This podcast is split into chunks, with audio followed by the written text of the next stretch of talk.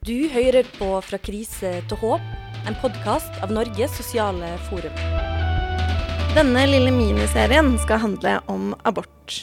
Første episode handler om abort generelt og abortrettigheter globalt. Og andre episode vil handle om abortlovgivningen i USA spesielt.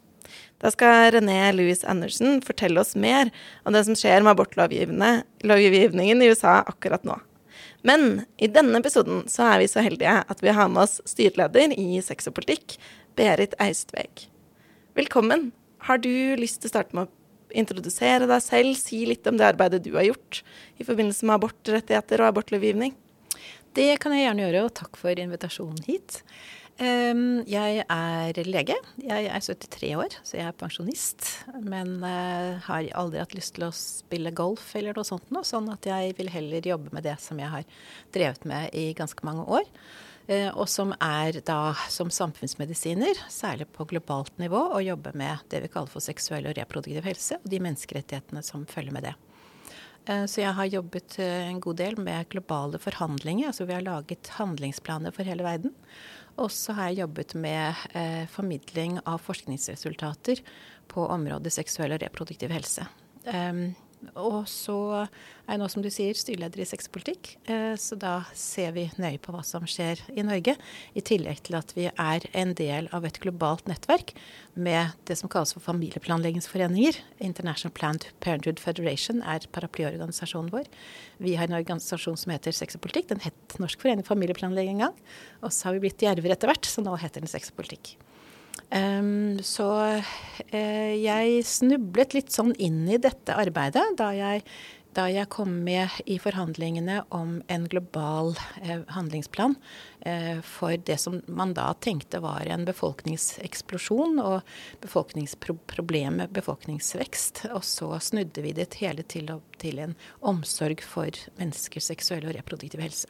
Så det var en stor snuoperasjon, og veldig spennende å følge opp det. Det skjedde i 1994 i en stor konferanse i Kairo. Eh, og så er det en viktig oppfølging av det som skjer rundt omkring i verden. Jeg har også sittet i styret i en, en organisasjon som heter IPAS, som jobber med å redusere sykelighet og dødelighet fra abort i verden. Så jeg syns jeg har vært veldig heldig og kommet med i spennende prosesser. Det er veldig spennende å høre. Jeg tenkte vi kunne starte med at du kanskje kan hjelpe oss med å rydde litt i begreper, siden du er lege og kan dette feltet. Som først, hva, hva er en abort, hvis du skulle forklart hva det er? Ja. Jeg er altså ikke gynekolog, men jeg er sånn vanlig doktor. Um, en abort er en avslutning av en graviditet før fosteret er levedyktig. Og da kan det enten skje spontant, altså ved at, en, at fosteret støtes ut av kroppen selv, eller at man gjør det det vi kaller for en provosert abort, altså at man går inn og avbryter et svangerskap. Eh, så det, hele poenget er at det er før fosteret er levedyktig. slik at Av og til så hører man om abort i åttende, uke, åttende måned og sånn. Og det er altså bare i så fall hvis det ikke er et levedyktig foster. Så heter det ikke abort på den, på den tiden. Det er veldig mye rot, syns jeg, i, i, hvordan man snakker om abort. Av og til så høres det nærmest ut som det er rett før en fødsel, men det er det altså ikke. I debatten så snakker man jo mye om senaborter. Hva er det kontra vanlig abort, hvis man kan kalle det det? Ja, kontra tidlig abort, kanskje. Ehm, det Uttrykket senabort det er egentlig et juridisk begrep. Altså I Norge så har vi bestemt oss for at det er selvbestemt abort i tolvte uke. Eh, hvor da man regner fra siste menstruasjons første dag, så ikke egentlig når graviditeten startet. Eh, og etter det så kaller man det for en senabort. Men medisinsk sett så, så utvikler fosteret seg egentlig nokså lineært. Det er ikke noe sånne, på en måte sånne abrupte tidspunkter hvor det plutselig blir helt, helt annerledes.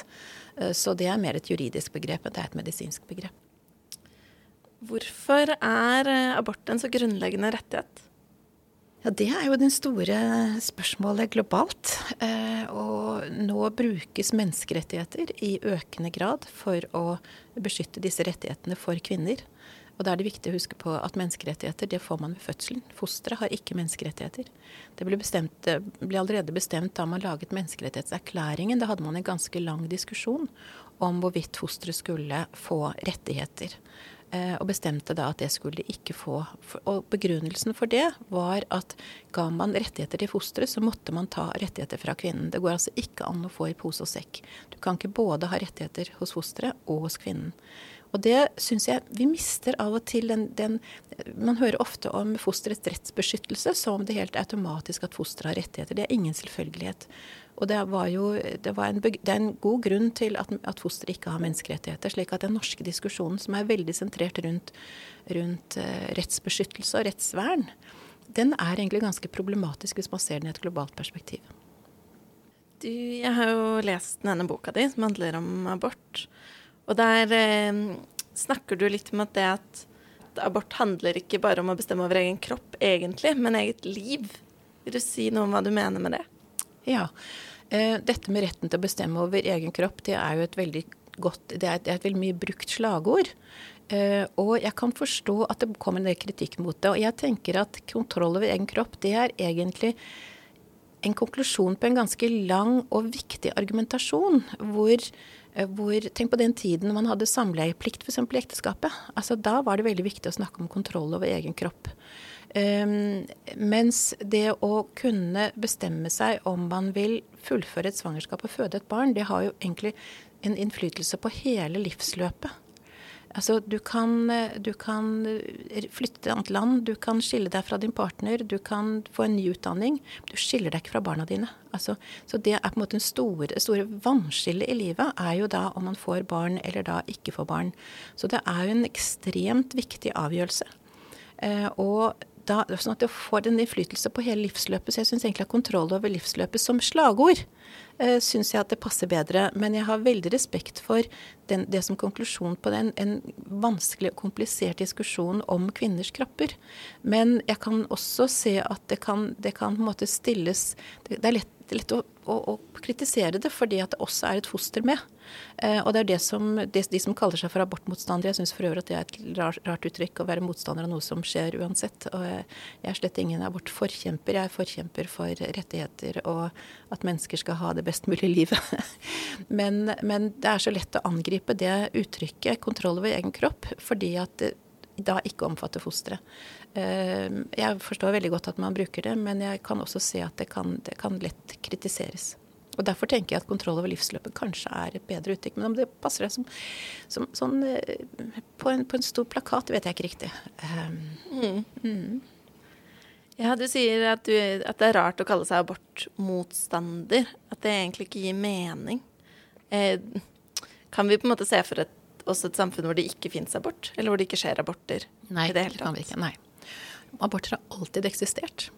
Og det kommer alltid til å eksistere. Og selv om alle skulle ha tilgang til prevensjon og bruke dem på en perfekt måte, så er det en svikt i de aller fleste prevensjonsmidlene har en svikt. Og selv om Altså hvis alle skulle bruke prevensjonsmidler på en helt perfekt måte, så betyr det egentlig at vi har et ganske kjedelig seksualliv. Hvor det ikke fins impulsivitet eller noe som helst. Men selv om vi skulle være der, da, og selv om alle skulle få prevensjonsmidler som, som fungerte godt, så vil det være en del som allikevel blir gravide. Og så er det sånn at selv om man kan tvinge enkeltkvinner som, enkelte kvinner som blir uønsket gravide til å gå gjennom graviditeten og føde barn, så kan man ikke kvinne, tvinge kvinner som gruppe til å føde. Eh, det viser seg at har kvinner uønskede graviditeter, så avbrytes de. Eh, enten hvis det kan gjøres lovlig og trygt, så gjøres det lovlig og trygt. Og hvis ikke, så gjøres det farlig. Og det ser vi rundt omkring i verden fortsatt. At det utføres farlige aborter. Hvis kvinner er uønsket gravide, så avbryter de svangerskapene sine. Og man kan altså ikke Man kan aldri få det bort. Eh, man kan få redusert forekomsten, og i Norge har vi gjort det nå. Eh, og eh, selv om jeg ikke syns at man skal forjævlisere aborter, så syns jeg det er fint at vi nå har fått ned abortforekomsten hos unge jenter. Eh, slik at det er færre som starter sin reproduktive karriere med en abort. Eh, ikke fordi at det er noe forferdelig, men hvis de skulle få problemer senere med å bli gravide, så kan de kanskje begynne å lure på skulle jeg gjort det den gangen, da hadde jeg muligheten, og er det kanskje det at jeg har problemer nå, er det kanskje fordi jeg tok det Altså alle de, de tankene man kan få etterpå. Jeg syns det er fint da at, at vi har fått ned abortforekomsten, særlig hos de unge. Fordi i land hvor man har streng abortlovgivning, da er konsekvensen ikke at kvinner ikke tar abort? Nei, det er faktisk ingen, ingen årsakssammenheng mellom abortlovgivningen og abortforekomsten. Det betyr altså hvis du forandrer abortlovgivningen, så blir det ingen endring i abortforekomsten. Det som virker inn på abortforekomsten, det er seksualitetsopplysning, det er tilgang til prevensjon, og det er likestilling. Og så er det det å ha gode muligheter til å bringe om et, å, å, å, eh, oppdra et barn, selv om ikke forholdene skulle ligge godt til rette. Eh, så det bringer forekomsten ned. Men altså abortlovgivningen den har ingen årsakssammenheng. Det er faktisk slik at de landene som har streng abortlovgivning, har gjerne høy, høy forekomst. Men det er ikke pga. abortlovgivningen, men det er pga. at er de, har de først streng abortlovgivning, så er de også gjerne dårlige på spikkstilling, de har dårlig tilgang til prevensjon, og de har dårlig seksualitetsopplysning. Men det som er viktig, er at det er en klar sammenheng mellom strengheten i abortloven og antall kvinner som skades og dør. Der er det en helt klar sammenheng. Jo strengere abortlovgivning, jo flere kvinner skades og dør. Vil du fortelle litt om hvordan tendensene er globalt når det gjelder tilgang til abort? Går det framover, går det bakover? Det som har gjort en veldig stor forandring globalt, det er at man har fått tilgang til aborttabletter. Eh, altså tabletter som, som, kan framkalle abort.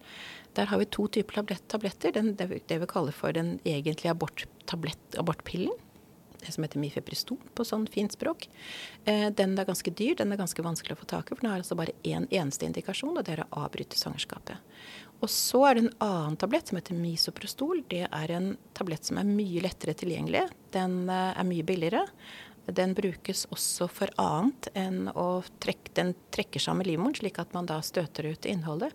Ehm, men den er mye lettere å få tak i. Og nå, når, når veldig mange har fått tilgang til eh, informasjon på internett, og man har det på telefoner, og man har det på PC, og man har det rundt omkring, så betyr det altså at man får ut informasjon om at misoprostol kan brukes til å framkalle abort. Så er det mye tryggere enn at man bruker strikkepinner og gift som man finner, som man tar ut fra, fra eh, planter f.eks., som er veldig vanskelig å dosere riktig mengde gift. Det er jo desperate ting eh, kvinner kvinner kan gjøre hvis de ikke har tilgang. Det vi ønsker oss, er selvfølgelig at, helse, at helsetjenesten skal ta, ta, ansvar for dette. Men de stedene hvor helsetjenesten ikke gjør det, eh, så er det nå en økende utbredning av kunnskapen om bruk, bruk av misoprostol. Og det har revolusjonert hele situasjonen. Dessuten så er det sånn at selv om vi nå hører disse veldig alarmerende eh, tingene fra USA, eh, og Polen som har, har, strammet inn abortloven, og det er en del bevegelser i Europa som ønsker, og særlig Øst-Europa, ønsker å stramme inn abortlovgivningen. Så er det faktisk en tendens i verden til å liberalisere abortlover. Eh, og det store landet i Sør-Amerika, altså Argentina, som fikk selvbestemt abort etter at jeg har jobbet i tiår jeg fikk jo sånn tårevåte mailer fra mine venner i Argentina da de fikk selvbestemt abort der. Og det er klart, med, altså, Fra før av så hadde lille Guyana i nord i Sør-Amerika hadde selvbestemt abort. Det fikk de tidlig på 90-tallet. Og Uruguay, bitte lille Uruguay. Men så kom store Argentina. Sånn at, og hvis vi ser på Afrika, som er det kontinentet i verden som har desidert de farligste abortene, hvor dødeligheten er desidert høyest, der, også, der er det også slik at det er flere land som liberaliserer abortlovene sine. Og da får man en nedgang i dødeligheten.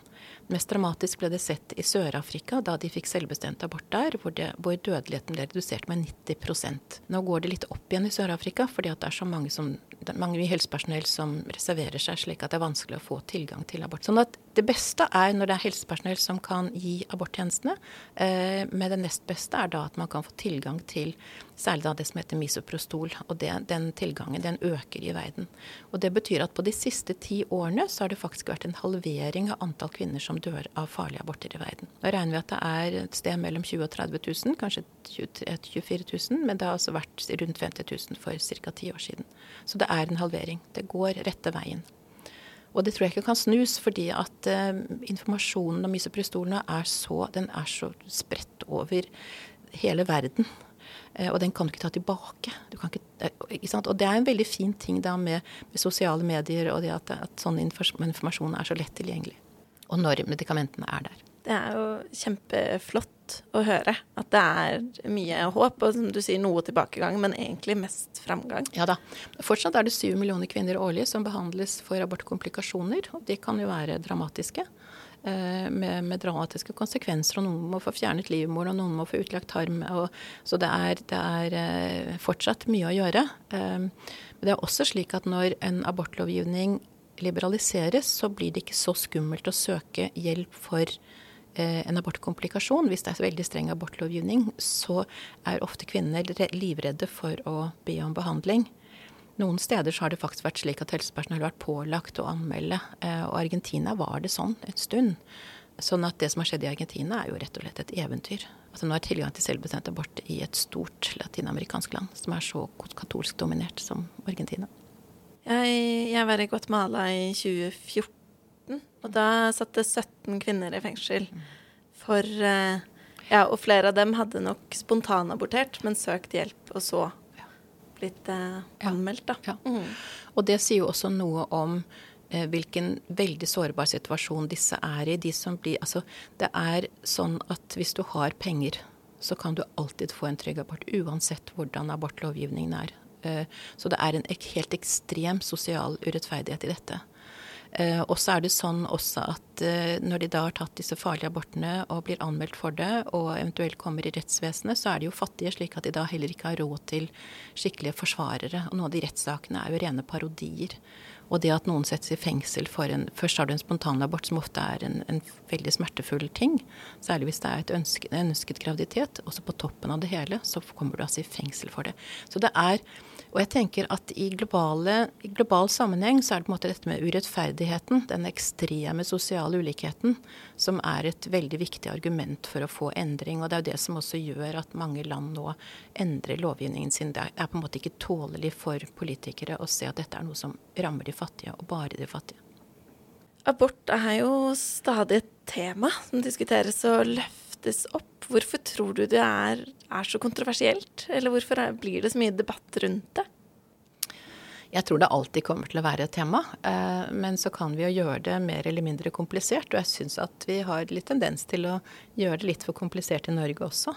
Eh, I min ungdom, som er en ganske god stund siden, så var det mye snakk om at abort er mord. Det hører man sjelden eh, nå. Men eh, det er liksom det der spørsmålet om fosterets verdi. Hvem skal, hvem skal ta den avgjørelsen? Eh, og kan vi virkelig stole på at kvinner kan ta moralske avgjørelser, eller kan de ikke det? Jeg syns det ligger veldig sånn til grunn for dette. Så det er klart, hele kvinnesynet er jo liksom Det, det ligger jo i kjernen av det.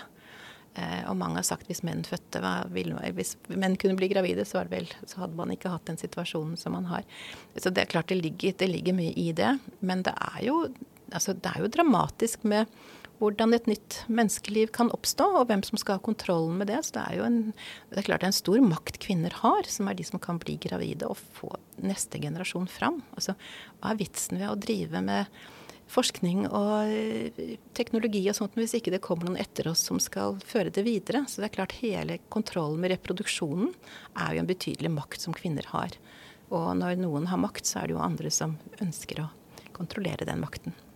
Hvordan opplever du abortdebatten i Norge i dag? Den, den er jo ganske mangesidig, da. Eh, en del av det syns jeg er problematisk. Det jeg syns, altså jeg syns jo egentlig at de som kaller seg for abortmotstandere, eh, jeg kaller dem for abortmotstandere fordi de kaller, kaller seg for det selv. Eh, de som, de, jeg syns egentlig at de styrer mye av debatten. Eh, og jeg syns at før, før um, valget nå, som vi, som vi, hadde nå i høst, så, så var det jo vel, det var jo så å si bare snakk om, scene, altså om, om, om uh, nemnder eller ikke nemnder. Og skulle, hvor lenge skulle man ha selvbestemt abort. Og da snakker vi altså om 4-5% av abortene som tas i Norge. De 94-95 de, de tas altså før tolvte uke, hvor da kvinnen bestemmer selv. Og så får vi altså hele diskusjonen på de sene abortene som om det liksom er et hårfint skille mellom det å ta abort og det å føde, føde et barn. Altså, det er liksom bare en sånn timers forskjell på altså, Det er laget et sånt bilde av at senaborter er veldig vanlig, og at det liksom er nesten, nesten, nesten barn. Sånn, sånn, som du og jeg omtrent. Altså, så, altså, mens de aller, aller fleste abortene skjer jo før niende uke, faktisk. Eh, og det betyr at, eh, at, eh, Og de snakker vi nesten ikke om. Um, og det synes jeg Da tenker jeg at abortmotstandere har vunnet det der i veldig stor grad. Og så er det snakk om sorteringssamfunnet som om det liksom er en slags objektiv sannhet. Og det er det slett ikke.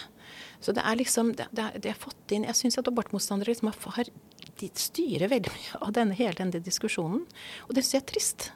Jeg syns det er trist. Uh, og, så, og, skal, og, og jeg syns også at den eh, mange som da står på abortrettigheter, um, liksom løper etter fordi at abort skal være noe så forferdelig. Og det å si at ikke altså For noen er det jo ikke forferdelig. Det er, altså, det er alltid en veldig, veldig viktig avgjørelse i livet.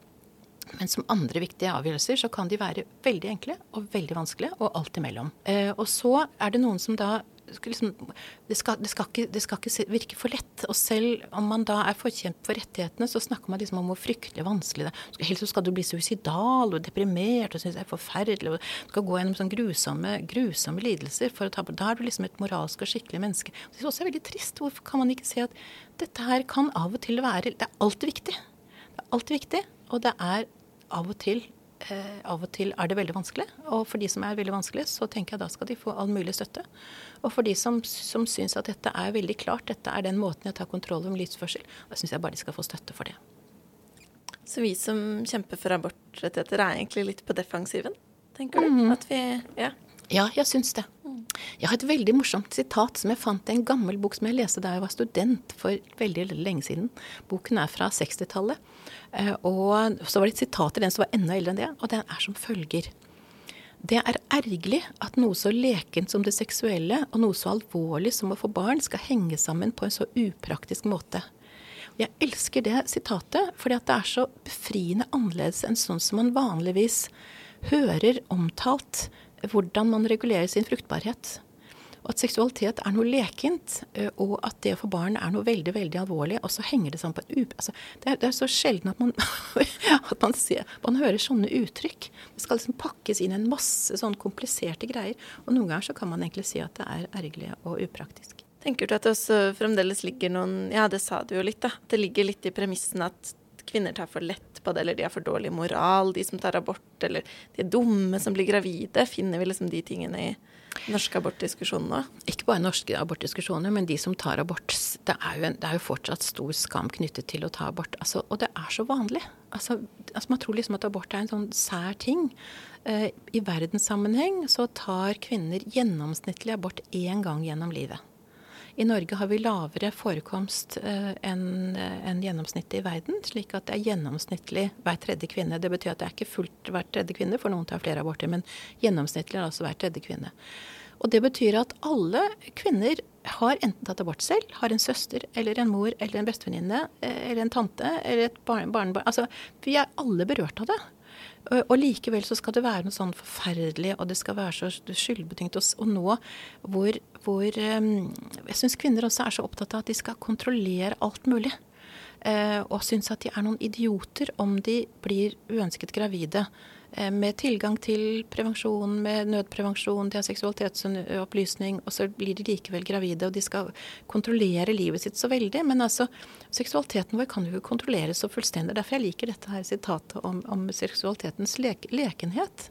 Um, og hvis vi kan ha en litt mer hva skal jeg si, realistisk, sånn, sånn, som det faktisk skjer, en diskusjon om hvordan det faktisk skjer, og ikke legge på alle disse, disse veldig egentlig ganske strenge moralske vurderingene på det. For jeg tenker at det, i hvert fall som samfunn, at ikke vi skal ha det. Men at individer kan du styre med det.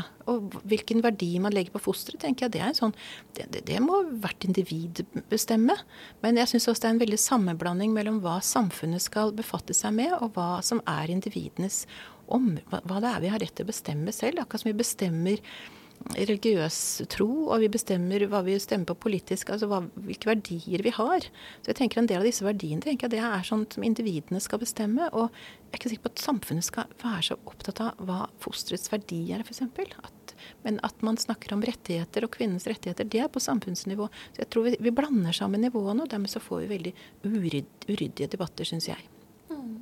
Og så skriver du jo også i boka at det blir mye følelser i debatten. Eller at det, ja, det, det, gjør det. Det blir massevis av følelser. Og det ble mye følelser i reaksjon på, på boka mi også. Eh, jeg hadde håpet at det skulle bli en reaksjon på, på dette med mitt forslag om at, at, vi skal følge Verdens helseorganisasjons anbefaling om å ha eh, tidligaborter i primærhelsetjenesten. Det ville spart masse. Altså, I Norge ville det spart en masse reise, en masse, masse krøll. Og vi ville få tidligere aborter også, fordi at man ikke hadde noen sperrer. Men nei da, det som ble diskusjonen om, det er det som jeg skriver om livet. Og liksom at, at det er ikke noe nytt liv som oppstår av ikke-liv, og det er ikke liksom en gud som skaper liv. At det er, det ikke, det er ikke, nytt liv av ikke-liv. Og det fikk jeg, det fikk jeg gitt. Så det, er, eh, det blir mye følelser i sånne debatter, ja. Jeg ble ganske overrasket over at, at det ble så mye styr rundt akkurat det.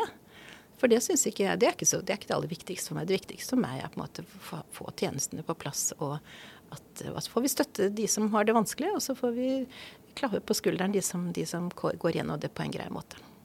Det er vel kanskje derfor abortmotstandere også nettopp løfter dette med senabort, eller mm. ja, bruker bilder av barn med downs ja. og snakker mm. om sortere, fordi det appellerer til følelsene våre, da. Ja, ja da. Mm. Og altså, det hører jo med til det som man kaller for reproduktive rettigheter, hører også retten til å føde det skadede barnet altså de aller fleste som får påvist et, for et foster som ikke kan leve med en par dager, de vil velge å avbryte svangerskapet. Men hvis noen ønsker å håndtere den katastrofen det er, eh, få, og få et sånt barn, at de da ønsker å føde det barnet, holde det barnet i armene i de to dagene det lever, ja, da skal de få gjøre det. Det er en del av de reproduktive rettighetene. Det glemmer vi kanskje av og til. Eh, liksom høres ut, nærmest ut som at vi som snakker om abortrettigheter, vi er imot personer med Downs syndrom. Altså det, det, blir veldig sånn, veldig sort-hvitt, og man tillegger hverandre motiver som man ikke har. Så for meg er dette med reproduktive rettigheter og seksuelle rettigheter helt sentralt. At man skal få bestemme det selv. Og så, vi, og så har vi forskjellige måter å håndtere Eh, både gode og vanskelige ting som skjer i livet. Og da syns jeg bare vi skal støtte hverandre, og helsetjenesten skal stille opp på det. Og sånn er det faktisk, altså. Sto, altså er det, det, det, er, kanskje litt drøyt å si, men, men, det er i hvert fall eh, På papiret så har man i hvert fall rettighetene. I praksis så kan det, kan det være annerledes. Du har vært litt eh, inne på det, men er det noen andre temaer du tenker vi bør snakke om istedenfor det vi diskuterer i abortdebatten i Norge?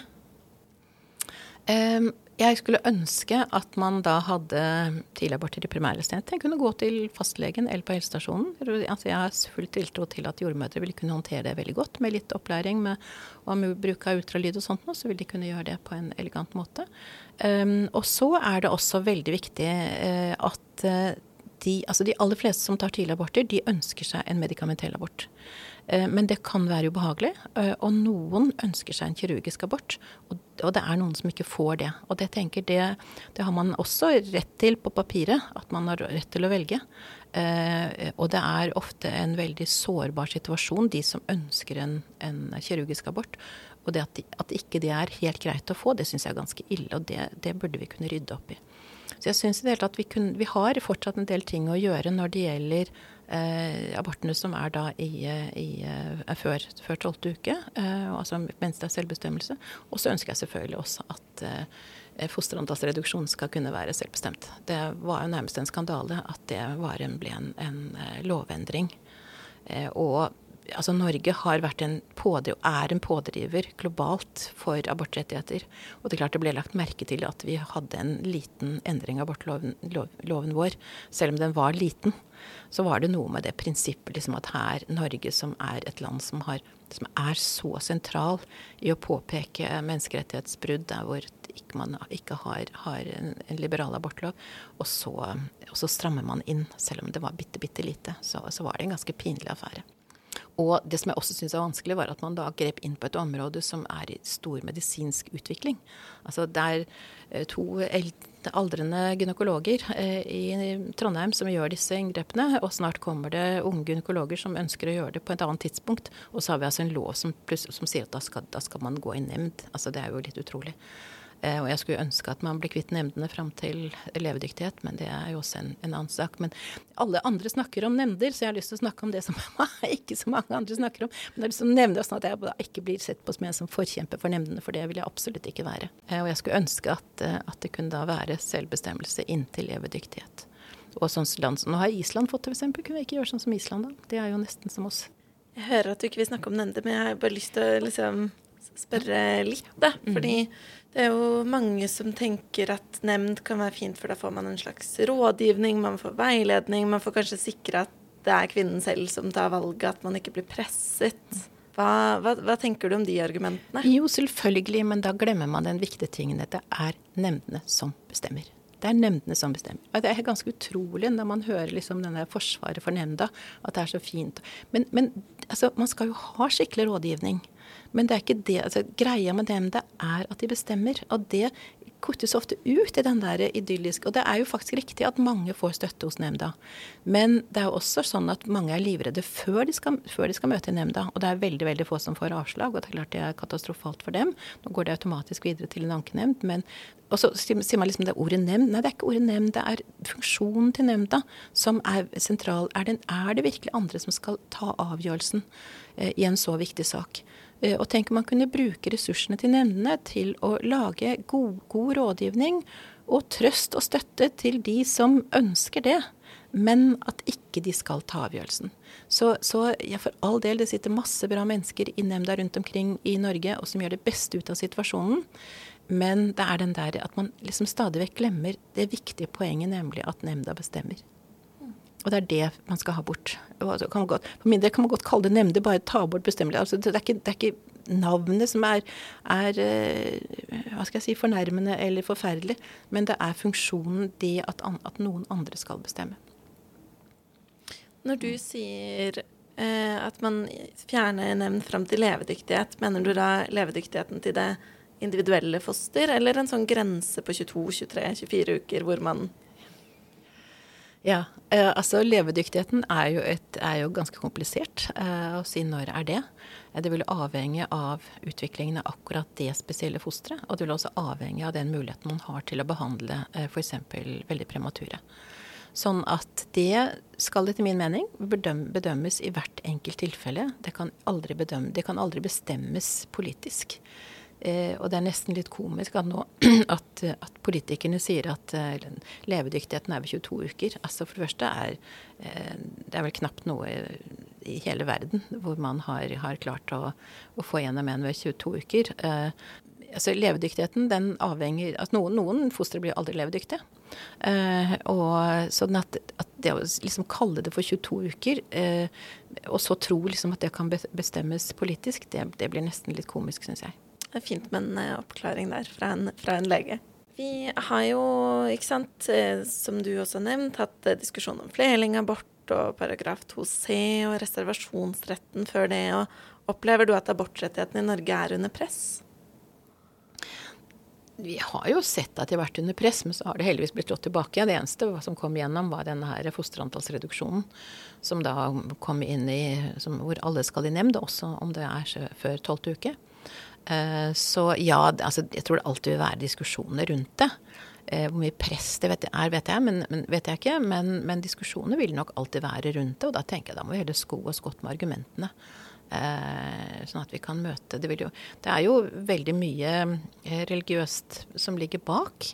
Men jeg, det jeg savner, som jeg faktisk hørte i barndommen min, det var det er Gud som styrer liv og død, og det sier man ikke lenger. Av skulle jeg ønske at de sa det, de som mener det. Kan de ikke heller si det, istedenfor å komme med disse, alle disse andre rare argumentene? Hvis det er det som er det, det, er jo, det, er jo, ærlig nok, det. Hvis man mener at det er ikke vi mennesker som kan styre med liv og død. Um, og det man ofte ser, er når religiøse snakker, snakker om eh, abort, så trykker de også ofte inn eutanasi. Altså det, det, helt, det, går jo på det der med hvem er det som skal ha kontroll over liv og død. Og hvis de mener at det er Gud, ja, så si det. Si det åpent i stedet for disse her rare diskusjonene som vi får. Så, og, og religion, altså religiøsiteten har jo gått I min levealder har jo merket veldig hvordan religiøse argumenter blir mindre og mindre gangbare. Men, men hvis, det det, hvis, det er det, som er deres argumenter, ja, si det heller. Tusen takk for at du kom hit i dag. Det har vært eh, veldig lærerikt for meg og for lytterne våre. Regner jeg også med. Tusen takk for meg.